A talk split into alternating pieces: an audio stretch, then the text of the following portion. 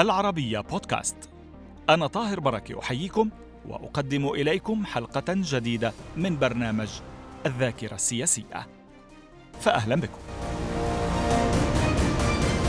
في الحلقة الثالثة يشرح وزير الموارد المائية والري المصري الأسبق محمد نصر الدين علام أن جوهر الخلاف بين مصر وإثيوبيا على سد النهضة هو سياسي وليس فنيا. وتهدف إثيوبيا ودول غربية من خلفها إلى تحجيم قدرات مصر من خلال تقليص مواردها المائية. وأشار إلى أن هذه السياسة توارثتها بعض دول حوض النيل عن الاستعمار البريطاني.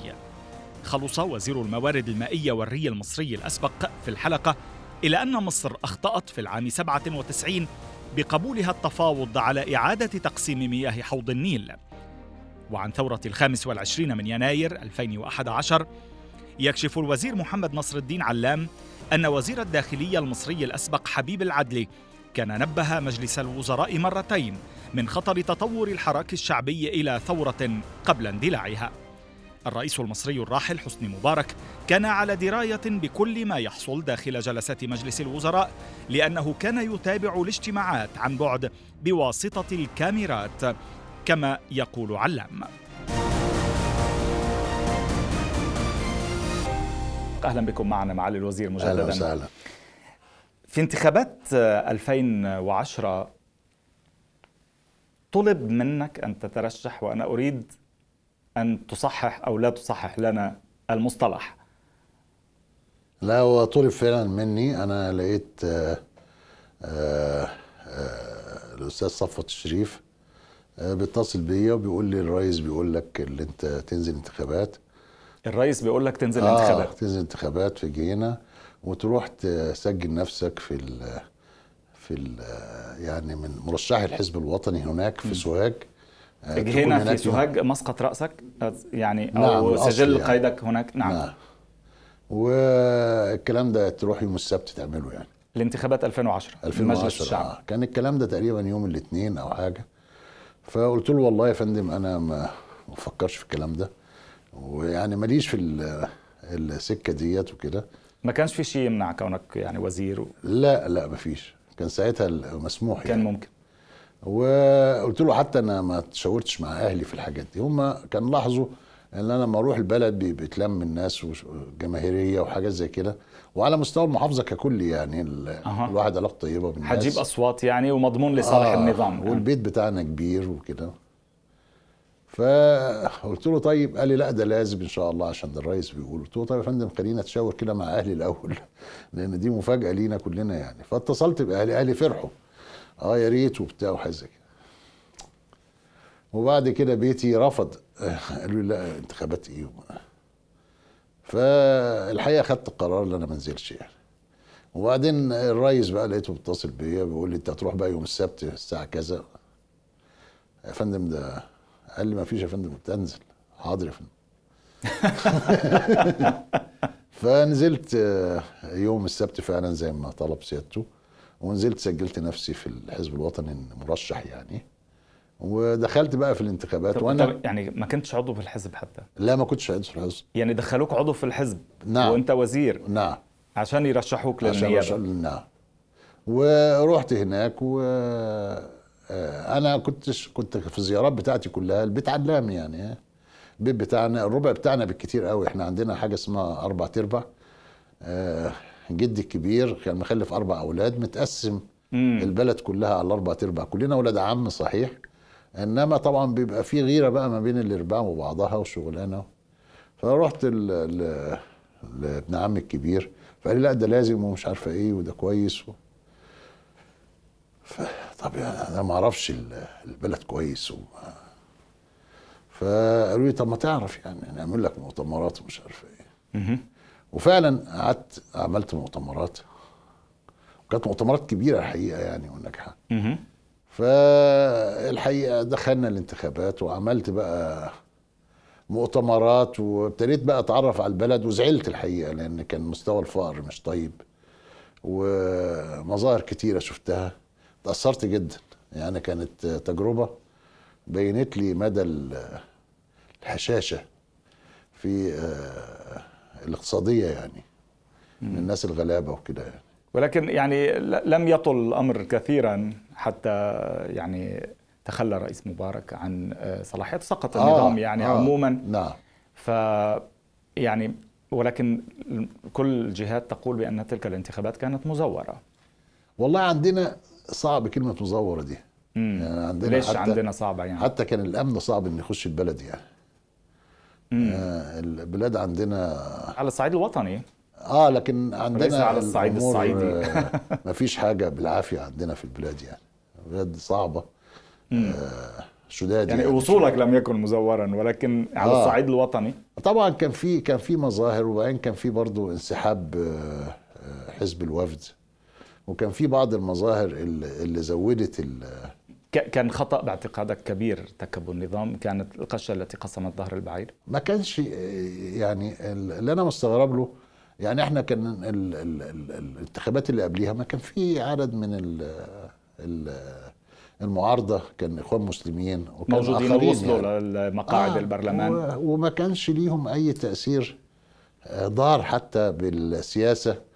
ولا إجبار الدولة على سياسات معينة وأنا في رأيي الحقيقة ما فيش برلمان من غير معارضة. تمام. بس هذه الأمور كانت تناقش تبحث بين لا. بمجلس الوزراء؟ لا. ابدا. لا. بين الوزراء أنفسهم كان في حالة ملل أو تململ أو أو يعني محاولة إحداث آه، قوة في الجدار أو أو يعني كان الوضع مستتب إلى درجة يعني أنه لا يمكن لأحد أن يحدث فرقا. لا كان في ابتدى ابتدى في مظاهر آه، للقلق. ابتدت في الأول كان قبليها أحداث المحلة. امم وكانت أحداث مؤلمة جدا. وناس كتير اتصابت وقتلت.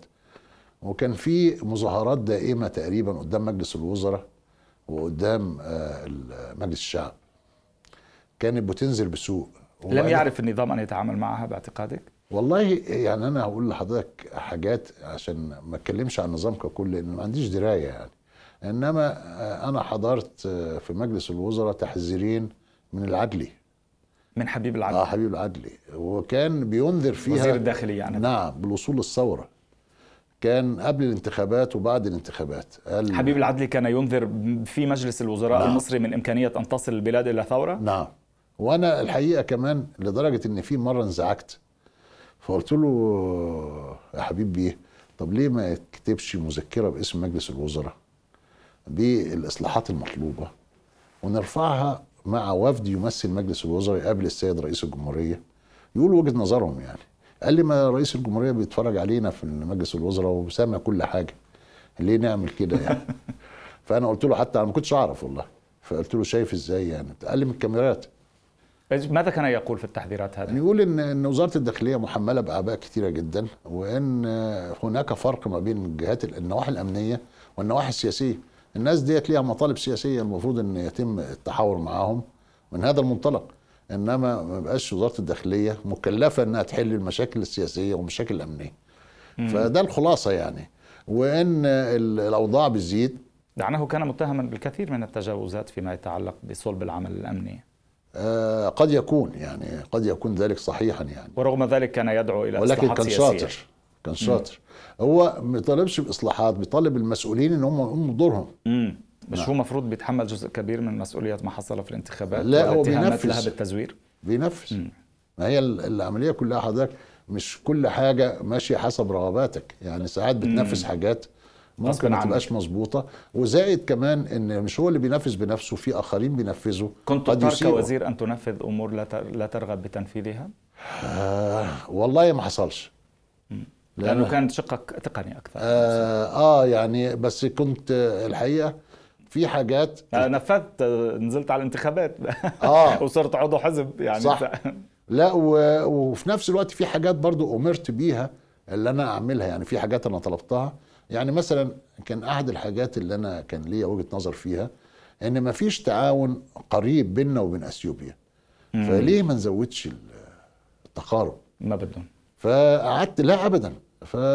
قبلوا. النظيف قال والله فكرة طيبة جدا. نجيب بقى فلان وفلانة وبتاع. كان وزير التعاون الدولي وزير المالية وزير الخارجية. نعمل إيه في رأيك؟ قلت له ننزل باستثمارات. الدولة تستثمر نفتح بنوك نفتح كليات نفتح فروع شركات وهكذا يعني. فعلا جمعوا المستثمرين كان آه، فايز أبو النجا. وراحوا راحوا حاجزين طيارة كبيرة فيها مش عارف 80 أو 90 مستثمر. وبعدين قالوا بقى إيه ما ناخدش معانا وزير الري. ليه؟ قال عشان نفصل ما بين السياسة والري. يعني خلافات بيننا وبين بعض في المية بس ما يكونش ده تنعكس على علاقتنا السياسية. قلت لهم لا قلت لهم الدولة مصالحها كلها في اتجاه واحد. إحنا بنصلح العلاقات دي عشان يخدمنا في قطاع الميه فأنا رأيي إن أنا لازم أكون في مقدمة ال- الوفد. آه، السيد رئيس الوزراء قعد مع ما أعرفش مع مين وقرروا لا وزير الري ما يروحش. رحت كاتب له مذكرة سرية إن الكلام ده خطأ. ما استمعش حضرتك كتبت له آه، مذكرة؟ مم. لرئيس الوزراء. رئيس الوزراء وصوره وصورة للرئيس. ما بتعرفش مع مين جلس رئيس الوزراء؟ لا والله. أنا ما آه. اهتمتش يعني. وبعت للرئيس الكلام ده مش مظبوط. بس فقالوا لي لا ما تروحش. ما رحتش.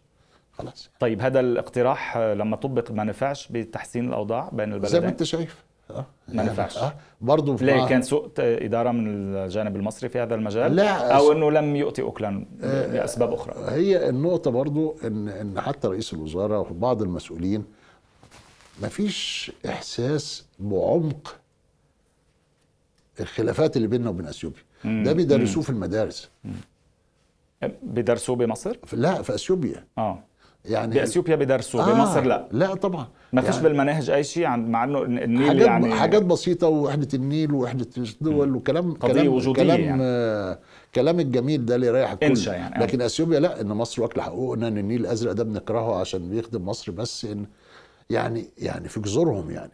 الكلام ده كله الحقيقة عايز يتخدم ويتخدم على مدى سنين عشان تغير العقول وتقدر الوعي تغير الجمعي آه. أنا أريد أن أفتح يعني أيضا في هذه الحلقة موضوع سد النهضة ببعض التفاصيل أكثر. لك كتاب عنه اسمه أزمة سد النهضة الإثيوبي قضية سياسية أم إشكالية فنية. أنا أريد إجابة مباشرة للمشاهدين اللي يعني لم يقرأوا الكتاب.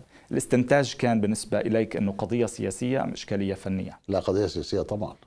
ما فيش مشكلة فنية تقنية كله بينحل ولكن لو هناك إرادة سياسية وعدم تدخلات دولية وإقليمية في الملف لكان حل. هي ال ال الإشكالية الفنية ده اختلاق أثيوبيا. أها. والحقيقة وما يدعمها من الدول الغربيه يعني. تمام. ليه؟ تقعد تناقش ونقعد نلاقي مشاكل فنية مختلفة وتقعد تضيع الوقت. وعدم تدخل السياسيين لحل القضية أساسا. هي المفروض إن لازم آه، يتخذ أمد سياسي. النزاع ب... وبدون وبدون طائل. بمناقشة التفاصيل بالضبط. الفنية والتقنية بدون. رغم إن كل ما يتعلق بهذا الأمر سياسي. آه. انما إنما طب الفهم سي- سياسي يعني ب- بأي معنى؟ ولما تقول دول إقليمية ودول كبرى لها علاقة بالموضوع مين له مصلحة في أن يؤذي مصر؟ لا هو تحجيم مصر ده هدف كبير من زمان يعني, يعني تحجيم؟ تحجيم مصر تحجيم آه وتحجيم مصر يعني تحجيم قدراتها من خلال إيه؟ سي- سياسة ماذا؟ آه الاحتلال بموضوع مثلا النيل. ما هو أصلا الاحتلال الأوروبي وقبليه الاحتلال الفرنسي عشان إيه؟ ما هو ده أصلا لأن مصر دولة خطر يعني دي قلب العالم العربي أقوى جيش أكثر دولة تعدادا أكثر شعبا قادر على الحراك آه مؤثر جدا على المنطقة بالكامل فمصر تاريخها سواء تاريخها العسكري أو تاريخها الأمني علاقتها بالشرق العربي وبالمغرب العربي وبالدول الخليج علاقات أزلية يعني أنت تريد أن تقول أن هناك دول تريد أن تحجم مصر من خلال سياسة اقفل الحنفية على النيل؟ آه طبعا دي أحد أحد ال أحد ال ال التحركات الطرق. آه آه. طبعا وده أحد التحركات وفي نفس الوقت مهمة جدا من هي هذه الدول؟ لا أنا هقول لحضرتك حاجة وتقدر تتخيل براحتك يعني. يعني مين اللي عمل السياسة دي؟ إنجلترا لما احتلت مصر. ما حاجة- نرجع كتير لو يعني ده لا ده تاريخ مش بعيد لا يعني. لا آه. دي لا مش بعيد. إحنا اتح- إحنا اتحررنا إمتى من إنجلترا؟ سنة 52 مم. 70 سنة يعني. تمام مش مش آه، كثير آه، مش كتير. فكرت بدك ترجع لجزء لأنه ما شاء الله حضرتك بكتبك ترجع دائما طبعا ل- التاريخ ل- يعني. آه. إنما كان إنجلترا في سياسة العصا والجزره اللي توارث هذه السياسة الدول حوض النيل بعض دول حوض النيل. أيوه. إيه سياسة العصا والجزرة. هي إنجلترا كانت محتلة مصر عشان إيه؟ مش عشان النيل طبعا. آه دي دولة مطيرة وكان الإمبراطورية بتاعتها من الشرق الغربي. صحيح. لا عشان قناة السويس. مم. ها؟ وعشان إن مصر مركز الثقل في النص ده الواصل ما بين الهند والصين وما بين آه، أوروبا والغرب اللي هي إنجلترا. تمام بين المركز. والمستعمرات بالظبط يا فندم. وده نفس الوضع كان ال- فرنسا داخلة كان نفس الكلام ده. اللي حصل لما قعدوا في مصر لقوا إن الشعب مرتبط جدا بنهر النيل. فابتدوا يحسنوا منظومة الري. ابتدى الشعب يحب قوي الاحتلال. الإنجليز يعني إن هم ابتدوا يطوروا القناطر وابتدوا ابتدوا وقنوات. فابتدى الإنجليز يستثمر في شبكة الري في مصر. وابتدوا في الخزان ال- خزان أسوان. وابتدوا يخدموا مصر في هذا المجال. فكان الشعب المصري في منتهى السعادة وتضاعف دخلة مصر ثلاث مرات أو أربع مرات في ظرف 10 أو 15 سنة بعد تطوير شبكة الري تمام فعرفوا نقطة ضعف المصريين إيه؟ إن هي أصلا نهر النيل. فقالوا خلاص يبقى إحنا بالنسبة لقناة السويس لأن دوت المحرك الرئيسي الاستراتيجي في هذه المنطقة هم يتحكموا فيه. وبالنسبة للنهر ديت الجزرة للشعب المصري عشان الاحتلال. وحتى بعد كده الاحتلال كله لما انسحب انسحب فين؟ عند قناة السويس اللي ده الهدف الرئيسي كان إنجلترا. قناة جونجلي الإنجليز بدأوا فيها قبل الحرب العالمية الأولى. مهم. عشان يعززوا تدفق النهر المصري السد الأثيوبي اللي هو بالذات كان على بحيرة تانا ها اللي بدأوا فيه كان الإنجليز وحاولوا إن هم يعملوه مع الإمبراطور أثيوبيا فخاف من مصر ومشاكلها فأجلها أجلها وبعدين. طيب. لغاية لما أقنعوه كانوا يريدون آنذاك تعزيز المياه وليس يعني خنق المصريين بها بالجزر. عندما كانوا هنا ولكن لاحقا ما الذي حصل؟ لا لاحقا بقى لما مصر استقلت مم. سنة 22 بدأت محاولات التحجيم راحوا من. عملوا فين بقى في عبر السودان المياه. الأول مم. ها عملوا؟ أس- أس- سد النهر فراحوا عاملينه راحوا محولين الميه على إيه؟ على الجزيرة عشان يزرعوا قطن وراحوا عاملين اتفاقية 29 مع مصر في ذلك الوقت كان محمود باشا محمد محمود باشا كان رئيس الوزراء هنا وكان يقال إن هو إنجليزي الهوية يعني. ولكن اتفاقية 29 اللي هم بيرفضوها دلوقتي كان ادى للسودان 4 مليار متر مكعب مية عشان يزرع القطن ويقضي على المزارع المصرية اللي بتصدر لفين؟ بتصدر لإنجلترا.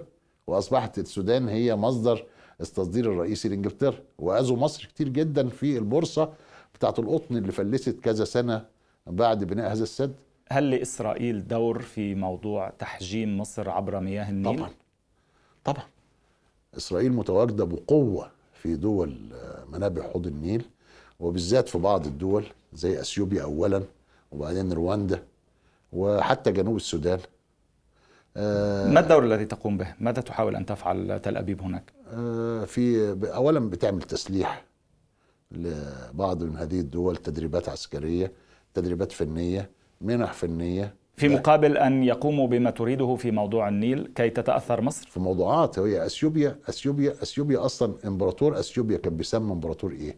أثيوبيا ويهوذا مم. يهوذا مين؟ يهوذا ابن سيدنا يعقوب جد سيدنا داوود وسيدنا سليمان اللي هي مملكة إسرائيل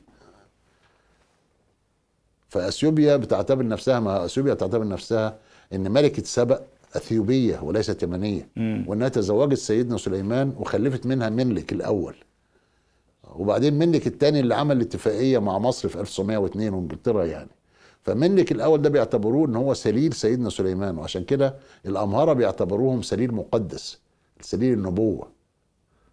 فعشان كده واخدينها كمان عقيدية العملية مش عملية إنها وإسرائيل بتساعد على ذلك أيضا لما تيجي بيقول لك إحنا نسل واحد. مع الوزير في آه، اجتماعات وزراء مياه النيل التي حصلت في أديس أبابا في 2006 آه، بعدها حصل اجتماع شرم الشيخ في 2010 يعني ليس بعدها مباشرة ولكن كانت هذه مفاصل في هذا الملف. كيف تعاملت أو كيف يعني ما الطريقة التي تحدثت بها إلى الرئيس أو إلى المخابرات أو من كان يمسك بهذا الملف معك ما بعد اجتماع شرم الشيخ 2010 بس الحقيقة إحنا هنا قفزنا قفزة جامدة جدا. أو قبله وما بعده. آه، يعني- لا تفضل يعني أنا- عندك أنا- أي تمهيد آخر تفضل آه بس تمهيد بسيط كده. الأول آه مبادرة حوض النيل. مم. مبادرة حوض النيل ده مشروع كبير دولي ممول من البنك الدولي وجهات أخرى. هدفها إحياء العلاقات ما بين دول حوض النيل وتحسينها وده الحقيقة جه بعد عدة مشاريع أخرى استمرت من سنة 67 يعني في الهيدروميت والتيكونايل. لغاية لما وصلت إلى مبادره حوض النيل. مبادره حوض النيل دايما أثيوبيا كانت ترفض إنها تخش في هذه المشاريع. أثيوبيا اشترطت. قالت لو عايزين نخش لازم نعمل اتفاقية تجب كل الاتفاقات السابقة لتقسيم مياه حوض النيل. تمام. مصر وافقت. عليه قال لك ماشي نخش في اتفاقيات وبتاع. ماشي. الكلام ده كان 97 من 97 كان غلط إنه توافق؟ أنا في رأيي غلط طبعا. امم هو إيه اللي يجبرني؟ فمن 97 تم تشكيل لجان فنية قانونية من الدول التسعة لدول حوض النيل اللي وافقت على ذلك. كانت إريتريا رافضة إنها تنضم يعني. وبعدين جنوب السودان لما انفصل بقى 11 دولة. قعدوا مع بعض من سنة 97 لسنة 2005 عملوا مسودة وفي بعض النقاط الخلاف الرئيسية. إيه هي نقاط الخلاف الرئيسية؟ أول حاجة عدم اعتراف بجميع الاتفاقات السابقة. وطبعا من ناحية وجهة نظر اثيوبيا ده إحنا عاملينها عشان نخلص من الاتفاقات السابقة. هتحطوا بند الاتفاقات السابقة؟ آه. أمال عاملينها ليه؟ تاني حاجة عدم اتفاق إثيوبيا على وضع بند الاخطار المسبق إن أنت قبل ما تعملي أي سد أو منشأ تبعتي للدول اللي هتتضرر وقولي لهم اللي أنا هعمل كذا وادي الدراسات تقول اللي أنتوا كويسين قوي وخلاص. فقالت لا ما نعملش كده غير بعد إعادة تقسيم الحصص. امم بعد كده كمان حاطين بند خطير جدا. إيه هو؟ هو كان الاتفاق إن ما يتمش أي بند يتحط في هذه الاتفاقية إلا بالتوافق. تمام. توافق يعني ما فيش معارضة. تمام. لا قال لك إن هنقسم بقى لما نيجي في بعض البنود ممكن تغييرها. حطوا بنود تتغير بالتوافق وبنود تتغير بالأغلبية. معنى صح الأغلبية معناها إيه؟ دول المنبع أغلبية. يعني معناها إن هم يقرروا يعملوا البند ده بالأغلبية يبقى يقدروا يغيروا الاتفاقية ومصر والسودان قاعدين ولا ليهم أي لزوم. كيف كان يفوت المسؤولين المصريين كل ذلك؟ آه والله يعني الكلام ده أنا كاتبه في كتب إنما يعني وفي أكتر من كده. يعني في أكتر من كده. في مثلا حاطين بنود تمنع إقامة مشاريع استقطاب فواقد المي- المياه رغم إن مشاريع استقطاب فواقد المياه تمثل على الأقل يعني بتاع 20 أو 25% من اتفاقيه 59 اللي هي على جنوب السودان آه، في بحيرات وبرك ومستنقعات تمام بس هو ردك. على سؤالي السابق لو سمحت نعم. إيه؟ عدم دراية أو ما أقدرش ما كنتش موجود عدم حقيقة. كفاءة أو ما الذي يمكن أن يجعل يعني مسؤولين بح... في دولة بحجم مصر أن يستدرجوا ل- لمثل هكذا اتفاقيات وبنود هي ما كانتش سهلة على فكرة هل كان أمر واقع يعني لا. فرض عليهم أو على الدولة أو ما على فرضش بس كان في إجماع عليهم يعني بعد بعد الخبراء دول اجتمع الوزراء في أربع اجتماعات بعد كده تمام. عشان يناقشوا هذه الخلافات معالي الوزير هذه نقطة مهمة نتابع فيها بداية الحلقة المقبلة. إذا سمحت هكذا نكون قد وصلنا إلى ختام هذه الحلقة مع محمد نصر الدين علام وزير الموارد المائية والري المصري الأسبق أرجو أن تتابعونا في الحلقة المقبلة